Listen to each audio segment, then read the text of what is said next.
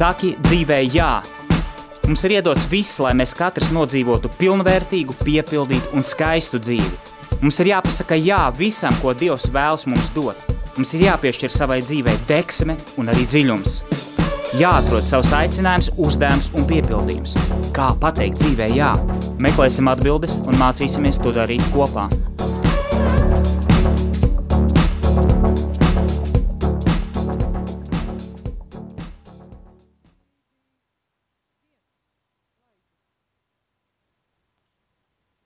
Sveicināti, darbie radio Marija klausītāji! Apsveicu jūs ar jauno sezonas sākumu. Un ir sācies arī mūsu raidījums, Saki, dzīvē, jā. Man prieks būt atkal ēterā. Un, lai arī es neesmu radio studijā, esmu mazliet tālāk no tās. Man, man vasara ir nedaudz pagarinājusies, bet pateicoties radio Marijā komandas atbalstam un stimulam. Es, es esmu gatavs šodien iziet ēterā un sākt jauno sezonu mūsu raidījumam. Un priecājos jūs atkal uzrunāt, priecājos atkal būt ar jums. Uh, Pirmkārt, es ceru, ka visiem vasara ir pagājusi laba, lai gan man liekas, ka vasara vēl turpinās. Ja paskatāmies, kas notiek ārā, siltums un vasarīgs saulīte. Bet Pirmkārt, es gribēju šo raidījumu sezonas. Es tagad nepateikšu, kur šī mums jau ir raidījumam sezonas. Te vakar rēķināju. Ceturtā iespējams. Jā, to līdz nākošajai reizei, kā mājas darbs, noskaidrošu.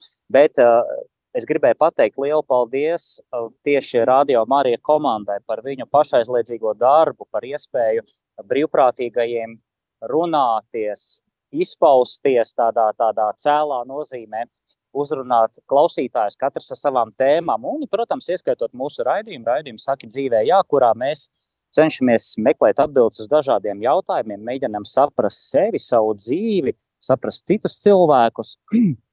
Un, protams, mūsu attiecības ar Dievu tajā visā, ja pāri visam, uh, mūsu, mūsu galvenais, varētu teikt, galīgais dzīves mērķis - satikšanās ar Dievu un Dieva klātbūtnes izpratne, sajūta, pie, pieredze, mūsu ikdienā.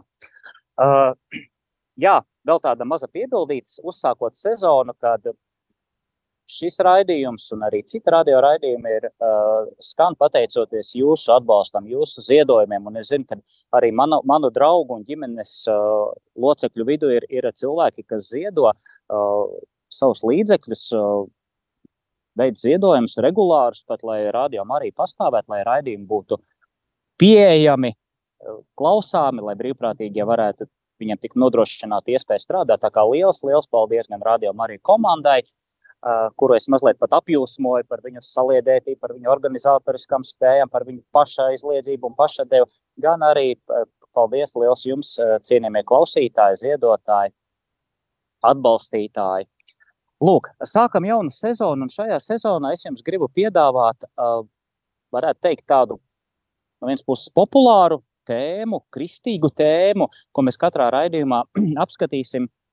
No otras puses, es teiktu, varbūt neizrunātu, bet ja praktiski ne, netik daudz uh, izskatītu tēmu. Tēma, proti, ir par tikumiem. Šis populārais vārds nu, tādā sekulārā, varbūt sabiedrībā vārdi, vārds tikums eh, šķiet ir novecojis un, un nepopulārs. Un parasti, kad es ar jauniešiem runāju par uh, likumisko līderību, ja, tad, viņi, tad viņi bieži vien domā, ka es sākšu runāt kaut ko par baznīcu vai par mm, attiecībām vai par šķīstu dzīvi. Ja.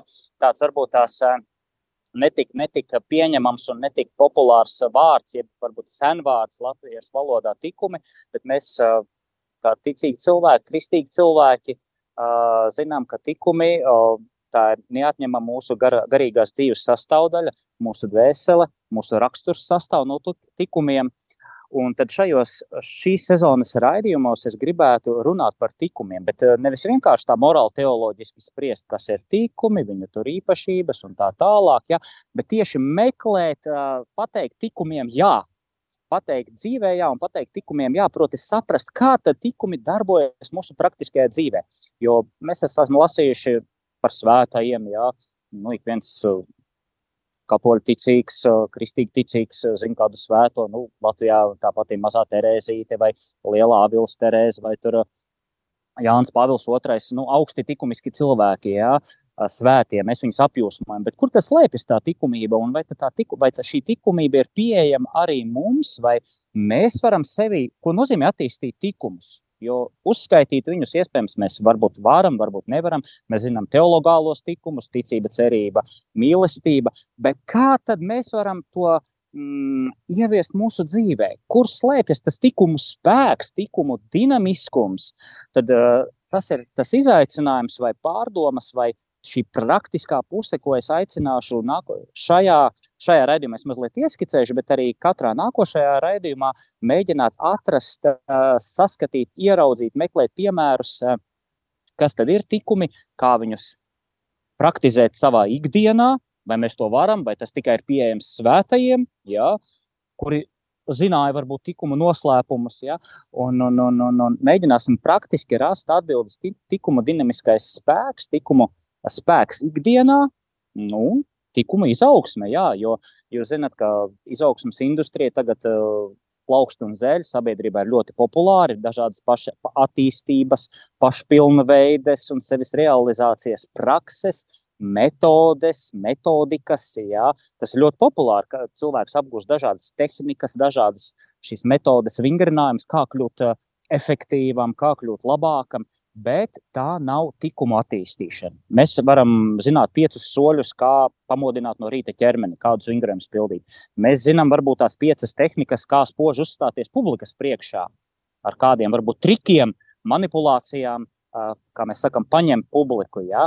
Bet tā arī nav tikuma, tikuma attīstīšana. Mēs varbūt varam būt līdzsvaroti visās dzīves sfērās, finansēs, darbā, atpūtā, karjerā. Bet arī tas vēl nenozīmē attīstīt savus tikumus. Jo tikumi, tā ir tā, pirmkārt, kas tad ir šie tikumi? Tikumi, kā mēs zinām, tās ir prāta, sirds un gribas labākās īpašības. Ja? Tie ir tikumi, un kādi tie ir, to mēs arī skatīsimies tuvākajos raidījumos, šīs sezonas raidījumos. Tas liels, liels mums būs ceļojums.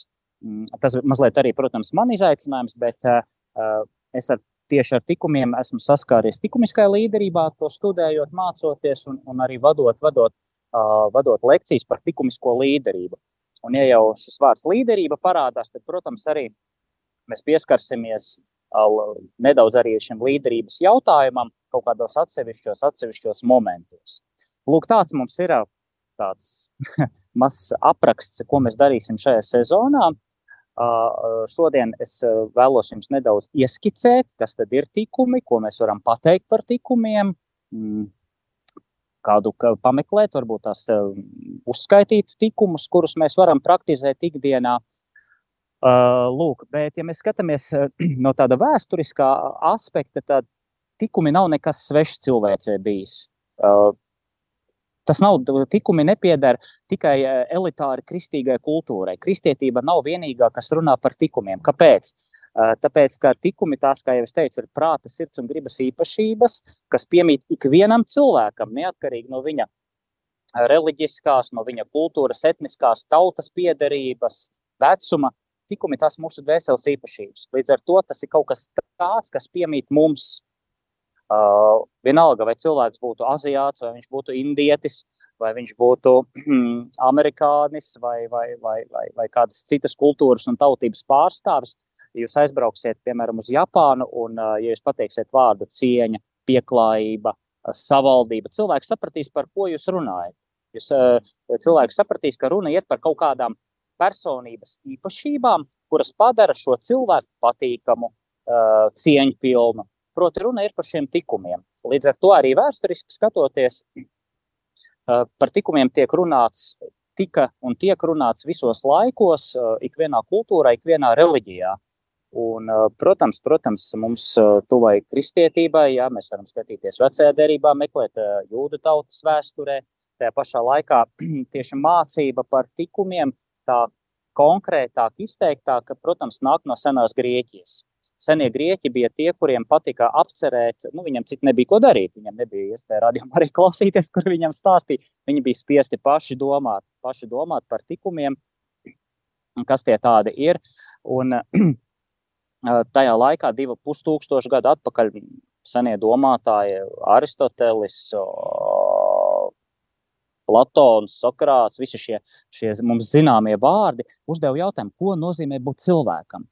Jo vērojot sabiedrību, senie domātāji, šajā gadījumā domājuši šos senos grieķus, viņi vēro, ka ir cilvēki, ka ir cilvēki, mm, kad cilvēks piedzimst, viņā ir tā kā divas dabas. Kaut kas tāds, ko viņš manto no saviem vecākiem, no savas dzimtas, no savas piederības. To mēs saucam par temperamentu. Gēni mūsdienās saka, tiek var pētīt, ja tavs ģenētiskais mantojums, kādas tu mantot šīs, šīs kvalitātes, ja, rakstura kvalitātes, noslieces, cits ir ekstravertāks, cits introvertāks. To, to, to mēs saucam par temperamentu. Ja? Mācība par temperamentu senie vēl grieķi to sasaistīja ar četriem iekšējiem šķidrumiem, un jūs zināt šos čet, četrus temperamenta tipus - holēriķis, sangvīniķis, melanholiķis un flegmatiķis. Bet tie paši senie, senie domātāji novēro, ka ir kaut kas tāds cilvēkam, ko viņš var izveidot dzīves laikā. Proti, kaut kādas rakstura personības kvalitātes, kas viņu padara labāku. Jā. Vai tieši otrādi, ja viņš šīs kvalitātes neattīsta, viņš paliek nu, netik labs. Jā, proti, proti, viņā attīstās netikumi, jā, jo ir tikumi un ir arī netikumi. Par netikumiem iespējams mēs kādā raidījumā mazliet pieskarsimies, bet, bet mūs interesē tikumi. Par temperamentu mēs arī tik ļoti nerunāsim, jo, jo kā jau es ieskicēju, mūs interesē interesē tieši, kas ir tikumi, kā mēs varam tos pilnveidot, kā mēs varam savā ikdienā, vai es strādāju radio Mariju, vai es eh, esmu mūziķis, vai es esmu vienkārši eh, students, vai, vai kāds cits, jebkuras profesijas piedarības cilvēks, ir iespēja cilvēkam attīstīt savus tikumus, pilnveidot savus tikumus. Lūk, un, protams, eh, mēs runāsim arī tādā, tādā es teiktu, tautas valodā. Es jums negatavoju akadēmiskas lekcijas, morāla teoloģiskas lekcijas, bet saprotamā, cilvēciskā, vienkāršā valodā mēģināsim to visu tikt galā. Lūk, tā kā tikumi jau senie domātāji jau domāja, ko nozīmē būt likumiskam cilvēkam. Tas pats Aristotelis, ja kādam interesē literatūra, tad Nikomaha ētika, viņš ļoti, ļoti apraksta, apraksta salīdzina dažādus cilvēku šos tipus, piemēram, tirgonis, piemēram, karavīrs, piemēram, valdnieks vai, vai politiskais darbinieks. Ja? Un viņš Aristotelis vismaz latviešu tulkojumā runā par tādu, izmanto tādu vārdu kā krietns cilvēks. Krietns cilvēks, mēs varētu teikt, likumisks cilvēks. Un es savā uh, likumiskās līderības lekcijās izmantoju šo vārdu, uh, ka uz, pievēršot uzmanību, ka Aristotelis runā, ka Šādi cilvēki, kas ir krietni cilvēki, viņi ir līderi. Proti, viņos ir kaut kādas rakstura kvalitātes, kas, kas viņus padara par krietniem cilvēkiem, uzticamiem, drošsirdīgiem, atklātiem, drosmīgiem, pašaizliedzīgiem. Tas, tās visas likumiskās īpašības. Un Aris, Aristotelis par to runā, un viņš sauc šos cilvēkus par krietniem cilvēkiem, par nesautīgiem cilvēkiem. Viņam ir tāds brīnišķīgs piemērs par draudzību, ka ir dažādi draudzības veidi, ir draudzība, kas ir nesautīga draudzība, ka tu mīli savu draugu tikai tāpēc, ka viņš ir īpašs, viņš ir unikāls kā cilvēks. Bet ir draudzība, kas ir sautīga, proti, savstarpēji izdevīga draudzība, ka tas, man ir draugi sabiedrībā, varbūt pazīstami cilvēki, un man ar viņiem ir ērti. Mēs sakām, tusēt, jo varbūt man ir kaut kāds izdevīgums. Es, man ir iespēja varbūt pagrozīties kaut kādā noteiktā sabiedrības vidē. Es teiksim, nu, katoliskā vidē pazīstu, piemēram, arhibīskapu. Ja? O, man tas šī draudzība ir izdevīga, vai es tur pazīstu Radio Marijā prezidenti, ja man ir izdevīgi ar viņu traucēties, ja varbūt tās es varu kaut kādu labumu sev to, no tā gūt. Ja? Nu, tāds, tas ir piemērs, ja? tāds ar joku. Bet Aristotelis tiešām salīdzina, bet viņš saka, ir cilvēki, valdnieki, karavīri, kas, kuriem piemīt šīs rakstura kvalitātes, šis krietnums, un šis krietnums slēpjas likumībā. Un, uh, kādi tad ir tie tikumi, kas piemīt krietnam cilvēkam, jeb likumiskam cilvēkam? Nu, es pats uh, izmantoju šos, izzinu, pētu un, un, un runāju par sešiem klasiskajiem rakstura tikumiem, proti, apdomība, drosme un izturība. Mēs par katru atsevišķu būs raidījums, par katru mēs atsevišķi runāsim. Taisnīgums, pazemība, cēlsirdība un savaldība. Un savaldība. Ja? Tātad seši rakstura tikumi, kurus praktizējot, mēs kļūstam par patiesiem cilvēkiem. Jo tie paši senie grieķi, viņiem kritērijs cilvēka vērtības kritērijs bija nevis sociālais status, protams, tas arī tas ir visos laikos bijis, ka sociālais status, tavs, tava manta, tavs status, tava bagātība, tavs varbūt izcelsme, tavi tituli, ja, vienmēr spēlējusi lomu, vai tas būtu pirms 2000 gadiem, vai senāk, vai, vai arī mūsdienās. Bet uh, senie domātāji, tādi filozofi, garīgi cilvēki, viņi uzskatīja, ka cilvēks, pieaudzis cilvēks, nobriedis, krietnis cilvēks ir tāds cilvēks, kuram ir šie tikumi, kuriem ir šis krietnums attīstīts. Ja? Proti, ar šādu cilvēku mēs jau varam runāt. Un interesanti tas, ka Japānā tā kā uh, mana pirmā profesija ir karatē treneris, un, un, un, un, un, un uh, es esmu arī mazliet to vēsturi pētījis, ja, un arī Japānas kultūras neorientējos, bet kaut, kādas, kaut ko šo to minimāli zinu. Ja. Uh, Japāņi uzskata, ka pieaudzis nobriedis cilvēks sākās no 45 gadu. Un arī sabiedrībā tevi nopietni uztver pēc 40, pēc 45 gadi. Tā kā, ja kāds domā pēc 40, ka viņš jau ir vecs, ja, piemēram, es, ja, tad, tad Japāņi teiktu, ka nu, tu esi tikai tagad sasies, sasniedz tādu zinām briedumu. Kāpēc? Kāpēc ja, austrumu kultūrās arī tas parādās, kā es sākumā ieskicēju, jebkurā kultūrā, jebkurā tautībā krietnums, likumība ir pazīstama. Tev nav jābūt obligāti kristietim, lai runātu par likumību. Proti, tevī jau ir kaut kāds dzīves briedums, kad uh, noteikti tikumi jau ir attīstīti. Tu esi, sas, tu esi jau pietiekami, kā mēs sakām, apbružājies dzīvē, tu esi pietiekami jau sapratis. Un tevi iespējams šī, šie tikumi, rakstura tikumi jau ir tādā zināmā brieduma stāvoklī. Līdz ar to tu jau esi pieaudzis cilvēks. Nevis 20 gados, nevis 25, ka tu vēl izzini, ka tu vēl studē, ka tu vēl iegūsti dzīves pieredzi, bet 45, 50, vismaz austrumu Japānas kultūrā ir šāds cilvēks uz, tiek uzskatīts jau par nopietnu. Zem 40, nu, jā, jauneklis, jauneklis, jā. Bet virs 40, virs 50, tas jau ir nobriedzis cilvēks, proti, krietnis, likumisks cilvēks. Un, ja viņam ir ģimene, ja viņš ciena savus vecākus, un jūs zināt, gan Ķīnas, gan Japānas kultūrā, uh, tas ir primārais. Uh, arī nekristīgā vidē tu gūsti svētību, no dieviem, no augstākiem spēkiem, ja tu pirmām kārtām cieni savus vecākus. Ja?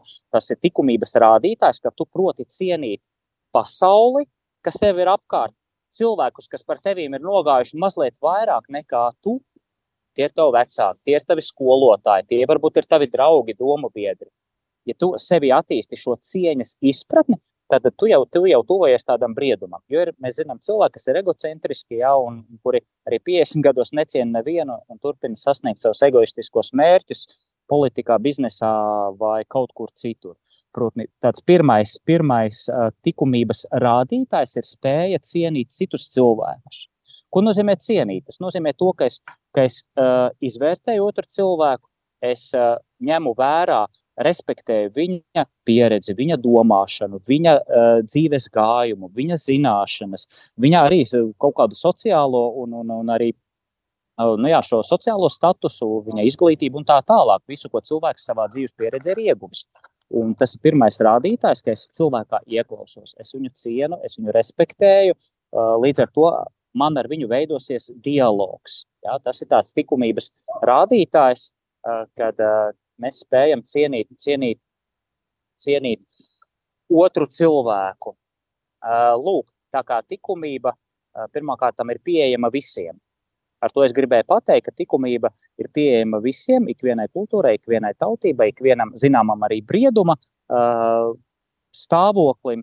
Un, vai ar bērniem var runāt par likumību? Protams, ar bērniem var runāt par likumību, jo pirmkārt, likumība slēpjas arī spēja atšķirt labo no ļaunā taisnīgo no netaisnīgā, patieso no nepatiesā. Tas pieder, protams, pie apdomības tikuma, par to mēs runāsim nākamajā reizē. Ar to mēs sāksim tādu. Šodien ir ievada lekcija, ievada saruna, bet mēs sāksim ar apdomības tikumu, bet arī jebkurā vecumā mēs varam runāt par likumisku dzīvi, par tāpatās par šķīstību, par savaldību, par drosmi. Drosmi izpildīt, drosmi runāt patiesību. Ja? Arī desmitgadīgs bērns, viņš, viņam, var, viņam ir vajadzīga drosme. Ja?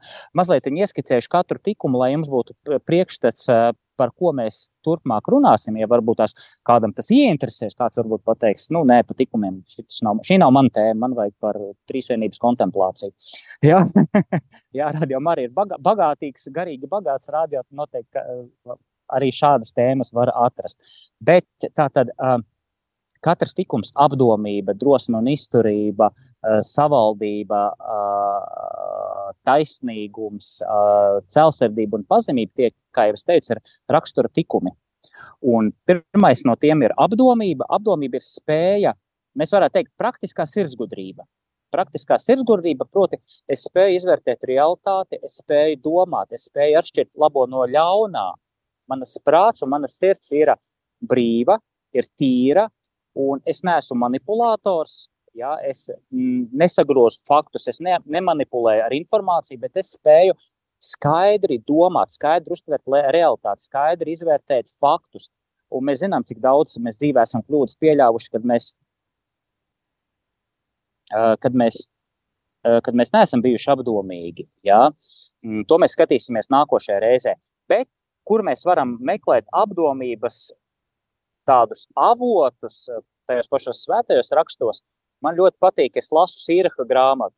Sīraha grāmata tā ir himna gudrībai. Un gudrība ir, varētu teikt, saistīta ar apdomību. Tas ir, kā es teicu, apdomība, tā ir praktiskā sirdsgudrība. Ir, gudrība ir saistīta ar apdomības tikumu.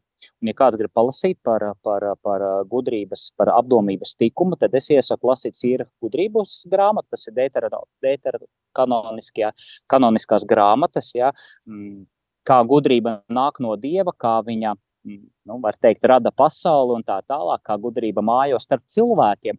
Un ko nozīmē būt gudram, krietnam cilvēkam?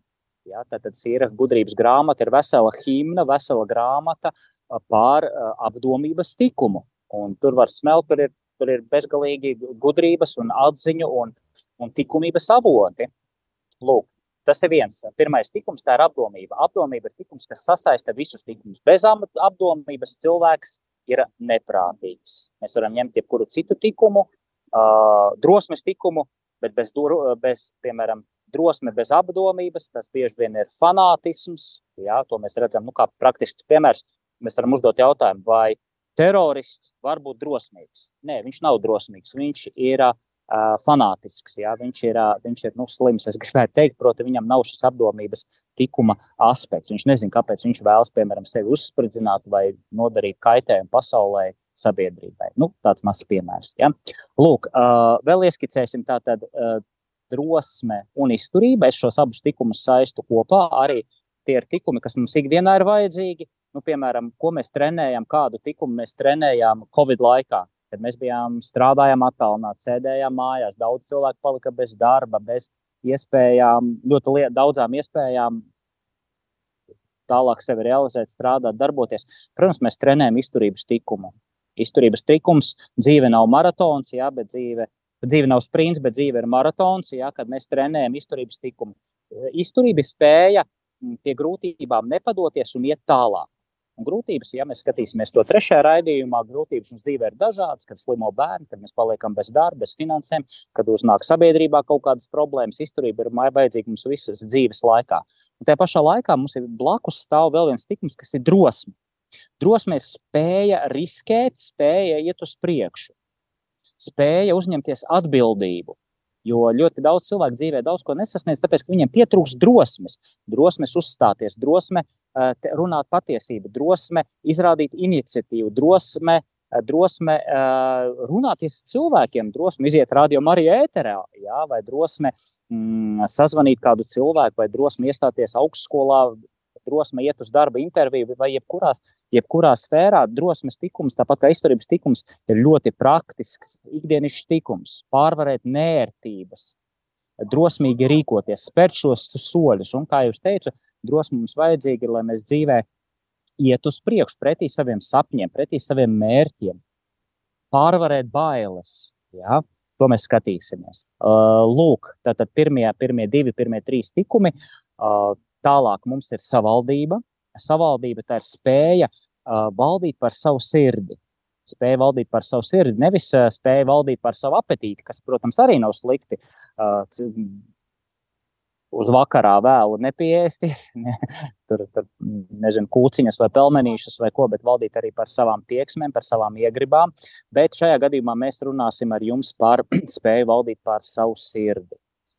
Ko nozīmē savaldīt savu sirdi? Ko nozīmē savaldīt savas negās, negatīvās emocijas un ko nozīmē savaldība. Tas nenozīmē tikai savaldīt, bet arī mācīt izkopt sevī visas labās emocijas, mīlestību, empātiju, iejūtību, sajūsmu, izbrīnu. To mēs skatīsimies atsevišķā raidījumā. Tātad spēja valdīt par savu sirdi, tikt galā ar savu negativitāti, kas mūsos visos ir, dažādos līmeņos.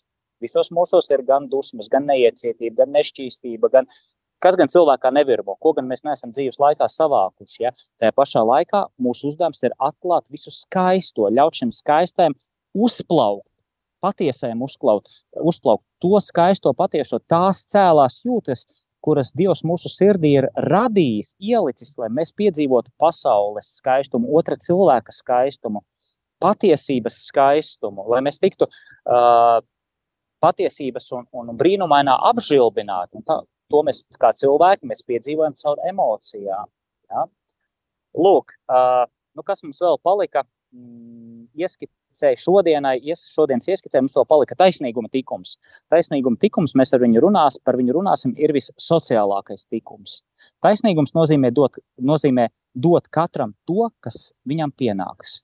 Un tad mēs skatīsimies, ko mēs viens otram varam dot, kas tad mums katram pienākas vienam attiecībā pret otru. Un ko nozīmē taisnība? būt taisnīgam pilsonim, par to arī Aristoteles runā, un visi pārējie, Akvīns Toms un, un, un visi gudrinieki. Ja, uh, kuros nemaz es tā neorientējos, bet es viņus pieminu, jo, jo šur tur var atrast viņu, viņu šīs gan atziņas, gan, gan uh, rakstus par, par tikumiem. Ja? Tātad taisnīguma tikums ir arī sociāls tikums, kad mēs pildām pienākumus, mēs uzņemamies atbildību sabiedrībā, jo tas ir taisnīgi. Mēs esam daļa no sabiedrības, daļa no, no tautības, mēs piedaram kaut kādam sabiedrības grupai, slānim, reliģiskai uh, grupai, es gribētu teikt, jā, kas saucas katoļi. Jā. Lūk, bet, bet, es, bet, jā, un ir taisnīgi pildīt savus pienākumus, ja mēs esam nākuši šajā pasaulē. Ko tas nozīmē? Dziļāk veidosim izpratni, meklēsim atbildi, atbildes kopā, kas skan mūsu raidījuma džinglā, mēģināsim saprast, kas ir taisnīgums. Un visbeidzot, tādi varbūt viscēlākie, visskaistākie rakstura tikumi, kas mūs padara par patiesām personībām, par patiesiem cilvēkiem, ir pazemība un cēlsirdība. Pazemība ir spēja dzīvot patiesībā par sevi, par otru cilvēku un par Dievu. Ja? Būt atklātam, būt patiesam attiecībā pret, pret, pret uh, Dievu, sevi un otru cilvēku. Ja? Mēs skatīsimies, mēģināsim saprast, ko nozīmē būt pazemīgam, Mm, kāda ir pazemības tikuma augļi. Un patiesībā pazemība un cēlsirdība ir tie divi tikumi, uzreiz tādu mazliet tādu, tādu bonusiņā var pateikt, kas veido patiesu līderi. Bez pazemības un bez cēlsirdības nepastāv līderība. Nu, tā kā es strādāju ar likumisko līderību, tad šie ir divi tikumi, kas, kas cilvēku padara par patiesu līderi. Mēs varam pat vārdu līderis neizmantot, bet, kā Aristotelis teica, par krietnu cilvēku jā, par krietnu karēju, par krietnu valdnieku, par krietnu politiķu, par krietnu jebkura amata profesijas pārstāvu. Ja cilvēks ar uh, pazemības tikuma auglis spēja kalpot otram cilvēkam, ja mēs spējam kalpot otram cilvēkam, mēs jau esam pieskārušies pazemībai. Un visbeidzot, cēlsirdība. Cēlsirdība, starp citu, šodien domāju par cēlsirdību. Cēlsirdība ir tāds varbūt tās grūti ap, ap, aptverams tikums, bet tā ir tiekšanās uz diženo. Ko tad nozīmē tiekties uz diženo, tiekties uz pilnību? Angliski šis vārds greatness, latīniskais vārds magni animitas, jā, divi vārdi kopā - magni un animē liela dvēsele. Un šeit uzreiz es laicīgi, saulaicīgi gribu pateikt, ka tas nav saistīts ar dāsnumu. Kaut gan var arī būt kā blakus dāsnums, kā blakus tāds auglis cēlsirdībai, bet tā ir cilvēka personīgā tiekšanās uz diženumu, uz pilnību, uz uh, cēlumu. Tas ir cēlsirdīgs cilvēks, ir tāds cilvēks, kuram dzīvē ir augsti mērķi. Lieli sapņi. Viņš nav mierā pats ar sevi. Viņš saprot, ka viss, kas viņam ir dots, ir dieva dāvana. Viņš šo dāvanu vēlas likt lietā, uzplaukstot sevī sasniegt savu personības tādu maksimumu. Jā? Un šeit atkal būs tādas nianses. Mēs runāsim, ka nedrīkst sajaukt ar to vēlmi sevi realizēt, kas tagad patērētāji sabiedrībā ir ļoti populārs. Sasniegt mērķus, uzcelt Manhetenā divus torņus, nopelnīt miljonu. Nē, Uz, uh, saprast, kādu Dievs tevi grib redzēt. Jā? Kas ir tas maksimums, ko Dievs no tevis sagaida? Tā ir celsirdība. Un lielisks piemērs mēs varam atrast arī svētajos. Tos piemērus mēs meklēsim ar jums kopā, ka svētie bija, cilvēki ir bijuši tie, kas savu maksimumu sasniegts. Kaut vai politiķis Roberts Šūmanis, viņš bija celsirdīgs, celsirdīgs politiķis. Viņš bija likumisks līderis, kuram bija, viņš gribēja maksimumu sasniegt savā, savos talantos. Celsirdīgs cilvēks vēlas, viņš sapra, apzinās savus talantus, apzinās savu dzīves misiju, savus dzīves uzdevumus, savus mērķus. Viņš šajos mērķos vēlas iet līdz galam. Šādi cilvēki, mans pasniedzējs Aleksandrs Havards saka, viņš saka, ka šādi cilvēki ir bīstami. Kāpēc? Tāpēc, ka viņi sapņus un mērķus uh, realizē. Ja? Un realizē cēlā veidā. Un tie ir bieži vien cilvēki, kas maina vēsturi, maina kaut kādu gaitu sabiedrībā. Tā ir Kalkutas Terēze, piemērs, ja, cilvēks, kurš, kurš visu dzīvi viņas mērķis, šis cēlais mērķis bija uh, bija kalpot uh, visnabadzīgākajiem no nabadzīgākajiem. Nu, tos piemērus mēs skatīsimies dažādi. Ja? Lūk, lūk uh, seši rakstura tikumi, uh, ku, par kuriem es jūs aicināšu kopā ar mani meklēt, domāt, uh, analizēt, saprast. Arī man tas būs uh, mazliet darbiņš. Ja?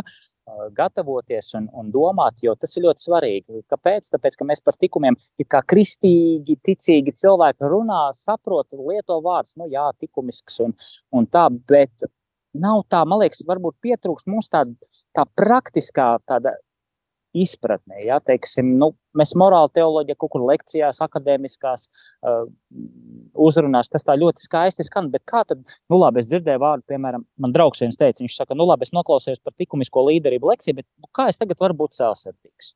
Kas man šodien vai rītā pieceļoties no gultas no rīta, izzarot savu dienišķo kafiju, kas man, kā es varu sākt praktiski savus tikumus, tikumus uh, praktizēt, ja? kas man ir jādara? Tāda uzreiz arī tas ir tas izaicinājums, kam mēs mēģināsim pievērst uzmanību.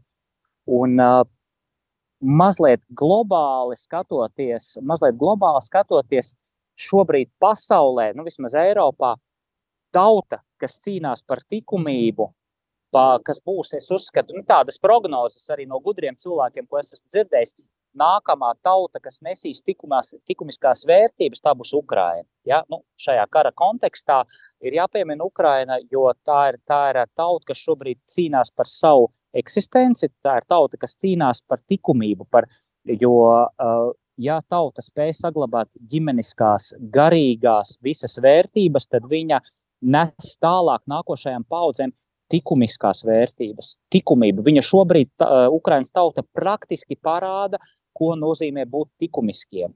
Ja Eiropa varbūt ir likumus atmetusi, nu jā, mums tur liberāli un tā, mēs tur esam kļuvuši elastīgāki, mums vairāk tagad jādzīvo 21. gadsimts, tad Ukraina šobrīd cīnās par to, lai Eiropā likumība tiktu saglabāta. Un tas nav mans tāds izgudrojums vai manas teorijas, bet to runā tiešām tādi garīgi, garīgi, garīgi zinoši cilvēki, piemēram, Ukraiņas profesors, filozofijas un teoloģijas doktors Aleksandrs Filoņēnko. Es pie viņa arī mazliet nu, tā nemācos, bet nu, šad un tad paklausos viņu sarakstos ar viņu. Jā. Esmu viņu uzrunājis, varbūt kādreiz viņš Latvijā atbrauks pēc kara jā, mm, ar kādu lekciju. Viņš runā par to, kad, kad, kad Ukraina šobrīd cīnās par visas Eiropas likumiskajām vērtībām. Jā. Un šīs vērtības parāda, parāda savā, savā ikdienā. Jā tēvi, kuri pašaizliedzīgi aizstāv savas ģimenes, kuri cenšas saglabāt vērt, eh, vērtības savās ģimenēs. Valdības vadītāji, nu, prezidents Zelenskis, protams, jā, kas ir drosmes, pašaizliedzības, eh, celsardības, pazemības piemērs, kurš iet un kalpo savai tautai. Ja. Mēs redzam, kā likumība reāli praktiski darbojas uh, Ukrainas kara kontekstā. Un Ukraina ir tā tauta, kas šobrīd cīnās par likumību. Un kāpēc tas ir svarīgi? Kāpēc es to pieminu? Ja sabiedrībā mēs nenododam likumisko audzināšanu nākamajām paudzēm, tad likumība atrofējas. Viņa neizmirst, ja tā eh, nu, likumus nevar atņemt cilvēkam, bet viņa kļūst ne, ne, nevajadzīga. Un tad parādās tādi surrogāti, kā mēs mēģinām likumus apiet. Proti, mēs izmantojam dažādas tehnikas, metodes, pieci soļi, kā būt efektīvām, astoņas metodes, kā no rīta būt mūžam, deviņas, deviņas tehnikas, kā, kā spoži novadīt radio Marija raidījumu, ja, kā būt produktīvam, efektīvam. Tas ir surrogāta metodes, kas aizstāja mums likumību. Ja? Bet mūsu uzdevums ja, ir atgriezties pie likumības. Kā to saprata senie grieķi, kā to ir nes vēl sevi, kā nosa šķirstā saglabā, saglabā kristīgā kultūra. Un tāpēc, man liekas, mēs ar radio Marija vadītājiem runājām, runājām pirms vasaras, ka nākošais šajā sezonā Purviņa uzdevums, uzdevums būtu runāt mazliet par tikumiem. Ja? Un es būtu, protams, ļoti pateicīgs, ja jūs sūtītu arī savus raidījumus, mazliet vairāk iesaistītos, jo tad es justu, ka tas ir vērtīgi, ka tas ir vajadzīgs un ka tam ir kaut kāds devums. Ja? Tas mūžīgais jautājums jau ceturto sezonu, vai, kā, vai kāds mani dzird. Ja? Vai kādam tas ir svarīgi. Bet es esmu saņēmis atsauksmi, un ja vismaz viens, vai divi, vai pieci, vai desmit klausītāji, un droši vien, ka ir vairāk, ja, uzraksta, tad es ļoti priecājos. Un, un tad zinu, ka kad, es kā imants ziedoņa poga esmu derīgs arī, arī šajā raidījumā, un viņš kaut kur nepazūd. Ja? Un, protams, raidījumu jūs varat klausīties Radio Marija arhīvā. Būs, viņi būs pieejami, un iepriekšējo sezonu raidījumi ir pieejami. Tā kā, tā kā iesim uz priekšu, iesim uz priekšu, runāsim par tikumiem un mēģināsim saprast, kas tie tādi ir un kā mēs viņus varam praktiski savā dzīvē nest. Uh, un reāli praktizēt.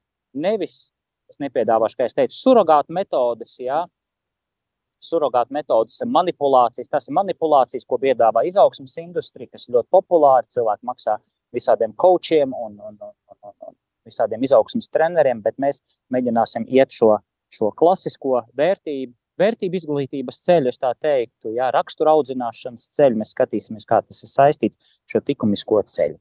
Lūk, tāda ieskice mm, darbie radio klausītāji, vēlreiz es gribu pateikties. Šodien man tāda pateicības arī diena pirmkārt Radio Marija kolektīvam par iespēju būt, draudzēties, būt kopā un par viņu atbalstu. Un paldies katram, kuru es pazīstu, tuvāk vai tālāk. Un paldies, protams, katram radio klausītājam, kurš klausās, kurš arī nesautīgi ziedo un atbalsta. Un pateicoties arī jums, nebūtu klausītāji. Nu, diez vai rādījumā arī būtu, jo tad, kam tad mēs runātu? Ja? Brīvprātīgi ir tie, kas nāk, runā, veido savus raidījumus, dažādas tēmas, dažādas nozeres, dažādas, dažādi šie izaicinājumi. Ja? Bet uh, mums ir vajadzīgi klausītāji un liela, paldies, liela pateicība jums. Novēlu jums jauno sezonu, būt kopā ar radio, iesaistīties radio arī aktivi, aktivitātēs, maratonos un, un, un, un translācijās, dažādās uh, garīgās, galī, garīgā kalendāra visās programmās. Ja, es zinu, ka vismaz manā ģimenē, man omīte, man, man vecāki klausās, man paziņas, draugi arī klausās, un, un, un, un, un, un tas ir ļoti vērtīgi. Tā kā liels paldies jums uz tikšanos. Mēs sanāk, mēs tiekamies reizi mēnesī, piecos, man liekas, mēneša, ja nekļūdos, otrā trešdiena. Ja? Varbūt tās, varbūt tās mani var pielabot. Ja? Sekojiet līdzi, lai jums skaists vēl, es teiktu, vasaras turpinājums vasaras turpinājums pretī rudenim, zelta rudenim un, un, un skaistam jaunajam mācību gadam, arī darbu sezonai. Pateicībā, lai Dieva svētība jums katram un visiem no sirds pateicos uz tikšanos. Saki dzīvē, jā! Mums ir iedots viss, lai mēs katrs nodzīvotu pilnvērtīgu, piepildītu un skaistu dzīvi. Mums ir jāpasaka jā visam, ko Dievs vēlas mums dot Mums ir jāpiešķir savai dzīvei deksme un arī dziļums. Jāatrod savs aicinājums, uzdevums un piepildījums. Kā pateikt dzīvē jā? Meklēsim atbildes un mācīsimies to darīt kopā